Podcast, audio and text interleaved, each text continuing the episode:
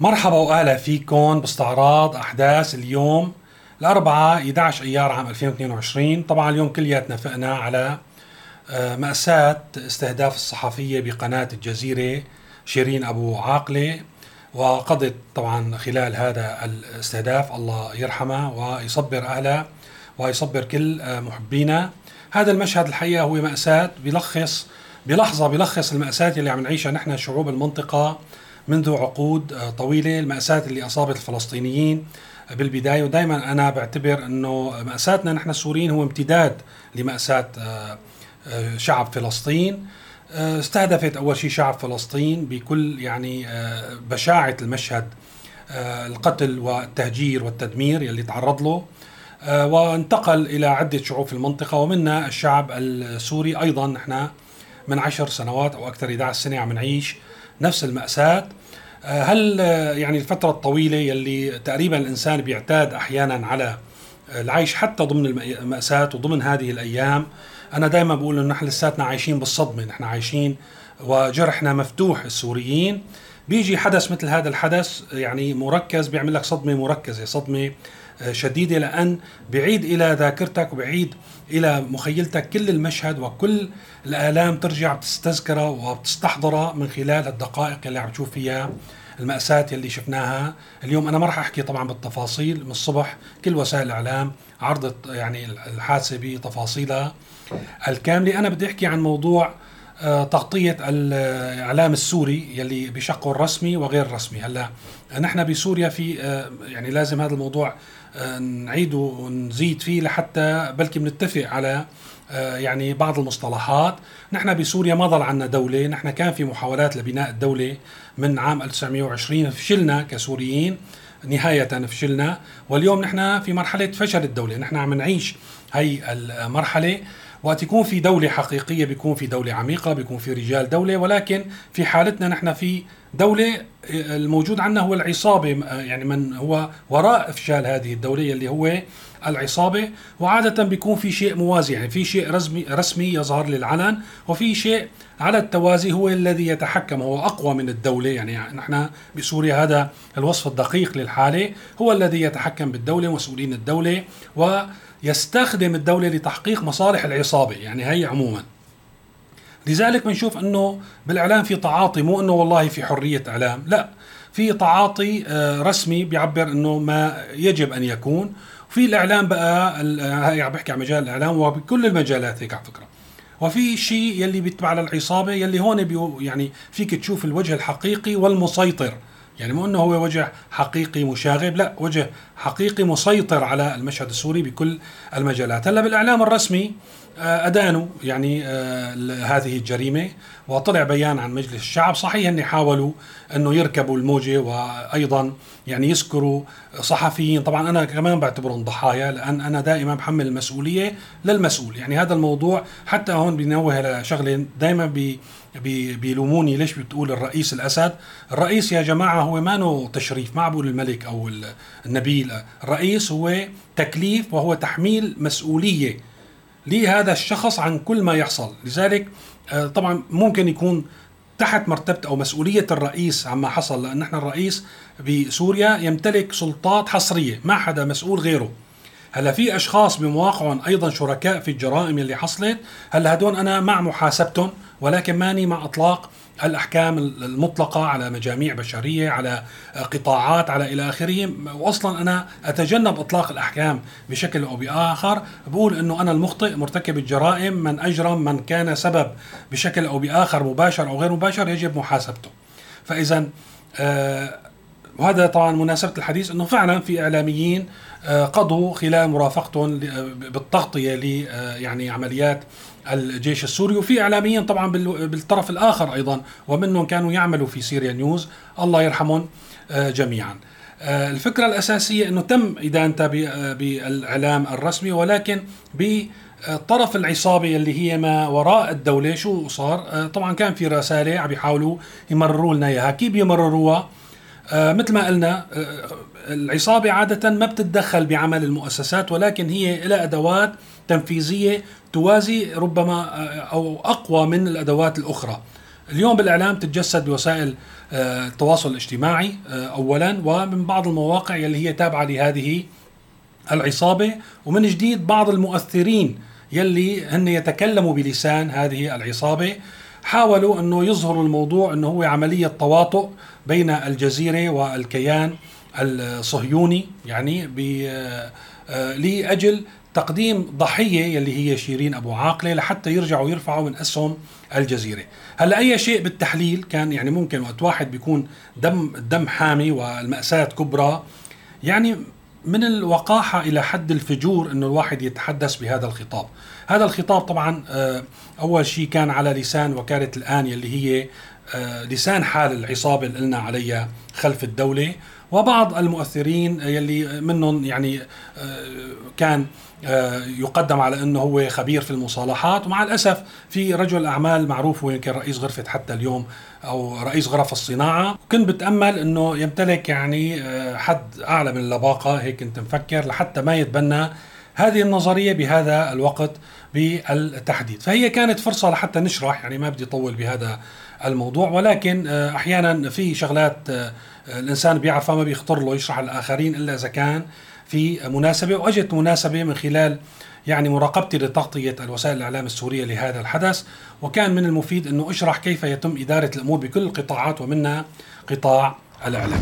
الموضوع الثاني اللي بدي أحكي فيه اليوم هو موضوع اجتماع آه، ما يسمى لجنة الإعلام والاتصالات في مجلس الشعب وكان حاضر وزير الإعلام وناقشوا موضوع الدراما آه، بسوريا، شو موضوع الدراما؟ طبعا كان في جدل واسع حول الدراما هذه يعني هذا العام في رمضان الدراما السورية آه، في رمضان واللي أثارت كثير من الجدل.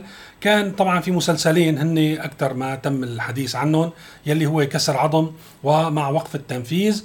وكان مصدر الجدل إنه هدول عم يظهروا إنه المجتمع السوري فاسد آه، المسؤولين فاسدين في فساد بالجامعة في فساد آه، بالصحة وكل شيء يمكن أن تشتريه. يعني بالأموال ويمكن أن تؤثر عليه من خلال السلطة. يعني كانت هي الرسالة وهذا الموضوع أزعج البعض. أيضا أنا بتوقع هذا التحرك يعني في في مواجهة المسلسلات هو من الجزء الأول اللي حكينا ببداية التسجيل اللي هو ما وراء الدولة أو الدولة الفاشلة بسوريا اللي هو العصابة، العصابة التي أفشلت الدولة. طبعا ما راح يواتيها هذا الكلام. فكان في تفنيد آه، من خلال أعمال اللجنة ومقارنتها بالدراما اللي تم تقديمها بمصر وبالخليج وإنه قالوا إنه هي الدراما هي الدراما المضبوطة يلي أيضا تعرض الايجابيات بالإضافة للسلبيات. طبعا الدراما بمصر هذا العام وبالخليج عموما دائما بتكون مضبوطة ويعني بتتوجه دائما لحتى تعطي صورة ناصعة عن البطل يعني القائد المسيطر على الحكم في تلك البلاد. يعني هذا هو وظيفة الدراما. طبعا أنا لا أتفق مع هذا التوصيف. الدراما مثل الصحافة لأن هذا النقد دائما بيجينا أيضا بالصحافة إنه أنتم ليش ما بتركزوا غير على السلبيات؟ لأن هي شغلتنا. نحن بنركز على السلبيات يعني ما في حدا بيروح على الدكتور هو ما مريض. نحن الصحفيين والدراما أيضا وكل الفنون أنا برأيي بشكل أو بآخر هي معنية بأنه آه، تتناول السلبيات، تتناول مشاكل المجتمع، تتناول الآلام الناس، يعني ما ما في مثلا بالأخبار أنه إذا ظلت الكهرباء آه، مثلا جاي ست شهور بيطلع خبر بالست شهور يوم والله أنه اليوم الكهرباء أجت. يعني خلص هذا ما خبر هذا شيء عادي.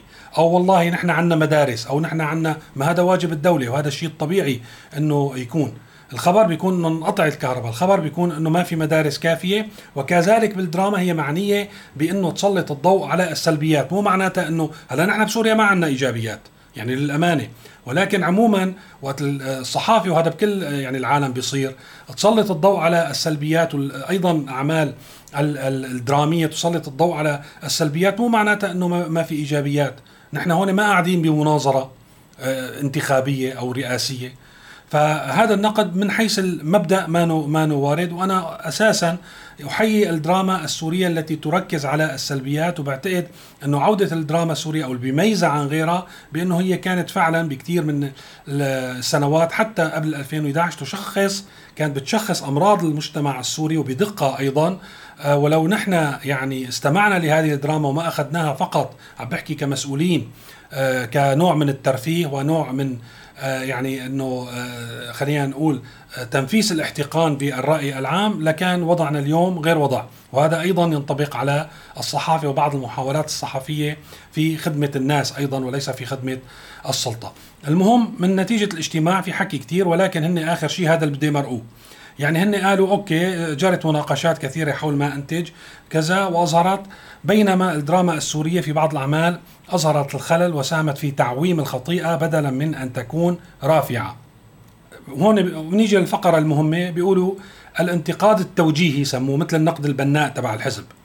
شو النقد البناء والنقد التوجيهي؟ إنه أنت تنتقد كل شيء ما عدا اللي لازم تنتقده. يعني هي الفكرة، أو بيجي بيقول لك طبعا هذا عملت عليه تسجيل كامل، إنه أنت بدك تنتقد أعطيه الحل. إنه لازم الناس كلها تكون بمستوى بروفيسور ويعني مخ الواحد يكون حتى لو كان آه، عامل أو كان مع احترامي لكل المهن أو صاحب مهنة لازم وقت بده ينتقد شغلة هو عم بيعاني منها على مستوى الدولة يعطيهم الحل. وين راحوا المستشارين؟ وين راحوا رجال الدولة؟ هل هو فعلا هذا الشخص قادر يعطي حل ولا ما يعطي حل؟ وزمانه قادر لازم ما يحكي عن معاناته؟ يعني هذا الموضوع الحقيقة غريب عجيب. وطبعا اللي أطلق هذا المبدأ هو الرئيس بشار الأسد. فإذا عم بيقولوا الانتقاد التوجيهي من خلال الدراما مهم أما الانتقاد بلغة صفراء آه، عبر التركيز على الخطأ فهو مرفوض ويجب هون بقى الفكرة تسليط الضوء أيضا على القامات الوطنية ودور الجيش وما قدمه من تضحيات. فإذا هي مشكلتهم مع المسلسلات ما ركز على القامات الوطنية. هلأ بتسأل مين في عنا قامات وطنية في سوريا؟ راح أترك لكم جواب لكم يعني يا ريت تعدوا لي القامات إذا يعني يتسع تتسع القائمة مثل ما بيقولوا وتتسع عدد الكلمات في التعليقات إلى تعداد القامات بمنظور النظام. يعني هو هذا لأن قرار للنظام مجلس الشعب النظام عم بيقول إنه يجب كانت إنه تسليط الضوء على القامات. مين القامات الموجودة بسوريا اللي بدنا نسلط الضوء عليها؟ الحقيقة هن كتار ما فينا نحن نعددهم يا ريت نحن تساعدوني. كل واحد يكتب له مثلا شيء 20 30 اسم لحتى في المسلسلات القادمة يتم تسليط الضوء على هؤلاء القامات الوطنية في آه، سوريا. وطبعا لازم نحن آه، نحكي عن الجيش بكل شيء. حتى لو كانت مشاكل ما لها علاقة بالجيش حتى لو كانت مشاكل هي اجتماعية هذا لازم نحكي على الجيش. لازم لأن القامات الوطنية نحن عندنا بسوريا يعني معظمها منتمية للجيش فهذا الموضوع متعلق بالموضوع الآخر. من الأخبار المتداولة يعني وهي صار بالتداول يعني يومين تقريبا هو موضوع تمديد العقوبات من قبل الرئيس الأمريكي على سوريا العقوبات يلي كانت آه، أجمل هدية للنظام السوري الشماعة يلي علق عليها كل الفشل وإلى اليوم يعلق هذا الفشل على هذه الشماعة. بدون نحن السوريين كنا داخل مناطق النظام أو خارج مناطق النظام نلمس أي فائدة حقيقية تنعكس على حياتنا أو على الحل السياسي أو على مستقبلنا. يعني هذه العقوبات تم آه، تمديدها بشكل أو بآخر. هلأ بده يقولوا لي ناس ليش أنت ضد العقوبات؟ أنا ما باخذ جزئية. أنا باخذ يعني الحلول الكاملة. أنا مع أي حل أو مجموعة من الإجراءات خلينا نكون دقيقين تؤدي بنا إلى الانتقال لطوي صفحة النظام الأسد والانتقال إلى مرحلة جديدة. أما نطبق عقوبات ونحن آه، نضيق على النظام لحتى النظام بيصير بيسرق من الشعب لآخر ليرة بجيبه وبيضل هو عايش أفضل عيشة والشعب عم يموت من الجوع بدون ما حدا يساعدنا ويكمل المساعدة لحتى نعمل التغيير السياسي. يعني هذا الموضوع ما بشوفه في خدمة الناس في خدمة آه، السوريين بشكل عام. فإذا تمددت العقوبات هلا لحتى نشوف أمريكا نحن يعني كان على التوازي في مؤتمر بروكسل يلي جزء كبير من من يعني أعماله هو مخصص للشأن الإنساني وتقديم المساعدات، المساعدات تقريبا كانت 6.7 يمكن مليار دولار. قدمت منه الولايات المتحدة الأمريكية 800 مليون دولار لسوريا. هلا لحتى نشوف نحن بميزان الولايات المتحدة الأمريكية كسوريين شو بنسوى بنشوف نحن إنه من قبل كام يوم بالصدفة لأن نحن ما بنعرف يعني وقت واحد بيقول لك 800 مليون دولار تقول يا لطيف يعني على المستوى الفردي ولكن لما بيصير في أزمات بمناطق أخرى بتشوف أنت يعني في سخاء يعني غير طبيعي آه، بتلك المناطق. بتشوف إنه أنت كسوريا شو بتمثل بالنسبة للمصالح الأمريكية. يعني مرة ثانية ما حدا بيتبرع بشيء بالمجان نحن عنا. ولكن يعني هذا الملف بالنسبة لملفات اللي بتديرها الولايات المتحدة الأمريكية. شو بنسوى نحن؟ نسوى 800 مليون دولار. أما في أوكرانيا أنا ما راح أحكي عن كل الأرقام ولكن من فترة الكونغرس أقر مساعدات يعني عسكرية ب 40 مليار دولار لأوكرانيا، طبعا بتوقع طلع شيء بعدها وهذا الشيء المعلن. ولكن يعني لاحظوا 800 مليون ل 40 مليار دولار يعني ضرب تقريبا 8 آه، أو 9 من مجموع المساعدات اللي حصلنا عليها من مؤتمر بروكسل. لفت نظري أيضا اليوم آه، خبر عن حكم على ثلاث سوريين بمحكمة يونانية آه، طبعا المتهم الرئيسي اللي هو متهم بتسهيل دخول أشخاص إلى اليونان بشكل غير شرعي ب 187 عام آه، بالسجن والمساعدين واحد مساعد للقبطان آه، للقارب واحد ميكانيكي 126 سنة. هلأ أنا بفهم هذا الحكم المشدد لأن آه، بحسب يعني الحكم على حادثة تسببت أيضا بوفاة أشخاص ربما 16 شخص. وهن بدي يحاولوا يعني الدول الأوروبية واليونان وحدة منهم إنه يحدوا من دخول اللاجئين غير الشرعيين إلى بلادهم وأيضا يحدوا من عملية المخاطرة اللي عم بيقوم فيها المهربين وجشع المهربين بنقل أعداد كبيرة من المهاجرين بدون ما يكون في أي عنصر أمان وهذا عم يتسبب بموتهم. ولكن أنا من ناحيتي أشكك بإنه مثل هذا الإجراء يعني يعطي أي نتيجة على أرض الواقع. موجات اللاجئين رح تضل تتدفق إلى أوروبا طالما انه الأوضاع في هذه البلدان مثل سوريا غير مستقرة. إذا كان فعلا نحن بدنا نمنع هالنوع من الأعمال؟ لازم نحن نساعد يعني نحكي نحن دول الاتحاد الأوروبي وغيرها نساعد إنه يصير في استقرار ويصير في مستقبل بهذه البلدان بحيث إنه الناس ما توصل لمرحلة اليأس ليزتوا حالهم في المحيطات والبحار انه مقايسين عن كل شيء وهن حاطين يعني ما في حدا اليوم عم يطلع بمثل هذه الرحلات إلا هو ما بيعرف حاله إنه في عنده آه ريسك للموت يعني هو رايح وبيعرف إنه يا بيموت يا بيوصل لشواطئ أوروبا وهذا قمة اليأس اللي آه يعني آه، يصل إليها. وهذا قمة اليأس اللي وصلان. وهذا قمة اليأس اليأس اللي وصلان له معظم شعوب المنطقة اليوم. كان والله كمان في خبر حزين إنه في اثنين من اللي غرقوا من لبنان وحكينا عليهم من طرابلس كانوا طالعين. كانوا في اثنين عروسان يعني. كان في اثنين يعني عروسان سوريتان آه، أيضا قضوا رايحين كانوا لخطيبهم أو يمكن تم استدعائهم أو لم الشمل ما بعرف شو ظروفهم ولكن أيضا كان في خبر إنه كان بين اللي قضوا ومفقودين لليوم وخلص فقدوا الأمل إنه آه، يعثروا عليهم. هن اثنين متجوزين جديد وطالعين إلى آه، أوروبا. كل هالناس هدول بيعرفوا حالهم إنه ممكن يموتوا عم يطلعوا وما في حل. هلأ الأحكام بهالطريقة ممكن إنه فعلا في بعض المهربين يخافوا معد. آه، يقوموا بهالعمليات ولكن الغالبية العظمى بدها تصير تغلي السعر لأن صار في مخاطرة آه، أكبر. وإذا آه، صار في نقص على هذا الموضوع السعر بيغلى وفي ناس راح يعني يحاولوا يعبروا المسافات هي البحرية بدون مهربين وهذا رح يعرضهم للخطر أكثر وأكثر. يعني وهذا الشيء كان عم بيصير أساسا. كلنا بنتذكر آه، يعني الهروب بالبالم هذا المشهور وإنه كان الناس تروح تشتري لحالها هالزورق المطاطي الصغير اللي ممكن يساع 10 يركبوا فيه 30 ويحاولوا يقطعوا مسافة بحرية مثلا من تركيا إلى اليونان. اللي بينفض منهم بينفض واللي بيغرق بيغرق. فاذا ما بتوقع لأن هن بالنهاية وصلوا ببلدانهم لخيار الموت. الموت من من انعدام الأمن من الجوع من الاعتقال إلى آخره. كل الأخطار موجودة. أو بده يزت حاله بالبحر ولكن بضل عنده فرصة للنجاة النجاة والعبور إلى مو إلى شواطئ أوروبا إلى المستقبل. مهما كان الطريق صعب في العبور إلى شواطئ أوروبا هو بيشوفها إنه فرصة بالحياة فرصة لحتى يكون في له مستقبل له ولا أولاده. فإذا ما بتوقع هالنوع من الأحكام رح تشكل أي رادع بالعكس رح تزيد التكاليف على اللاجئين يلي عم يبيعوا فوقهم وتحتهم ويغامروا بكل شيء لحتى يوصلوا للبلدان الأوروبية، إذا بدنا ننهي المشكلة نحن لازم فعلا يعني إذا عم نحكي على دول أوروبا والولايات المتحدة الأمريكية مرة ثانية تشوف بقى كيف بدها تخلصنا من هذا الجحيم. نطوي صفحة الماضي ونفتح صفحة بالحاضر لنشوف شو بدنا نكتب عليها بلكي بتكون قصتنا في السنوات القادمة أحلى من قصتنا بالسنوات اللي مضت. شكرا لمتابعتكم وإلى اللقاء.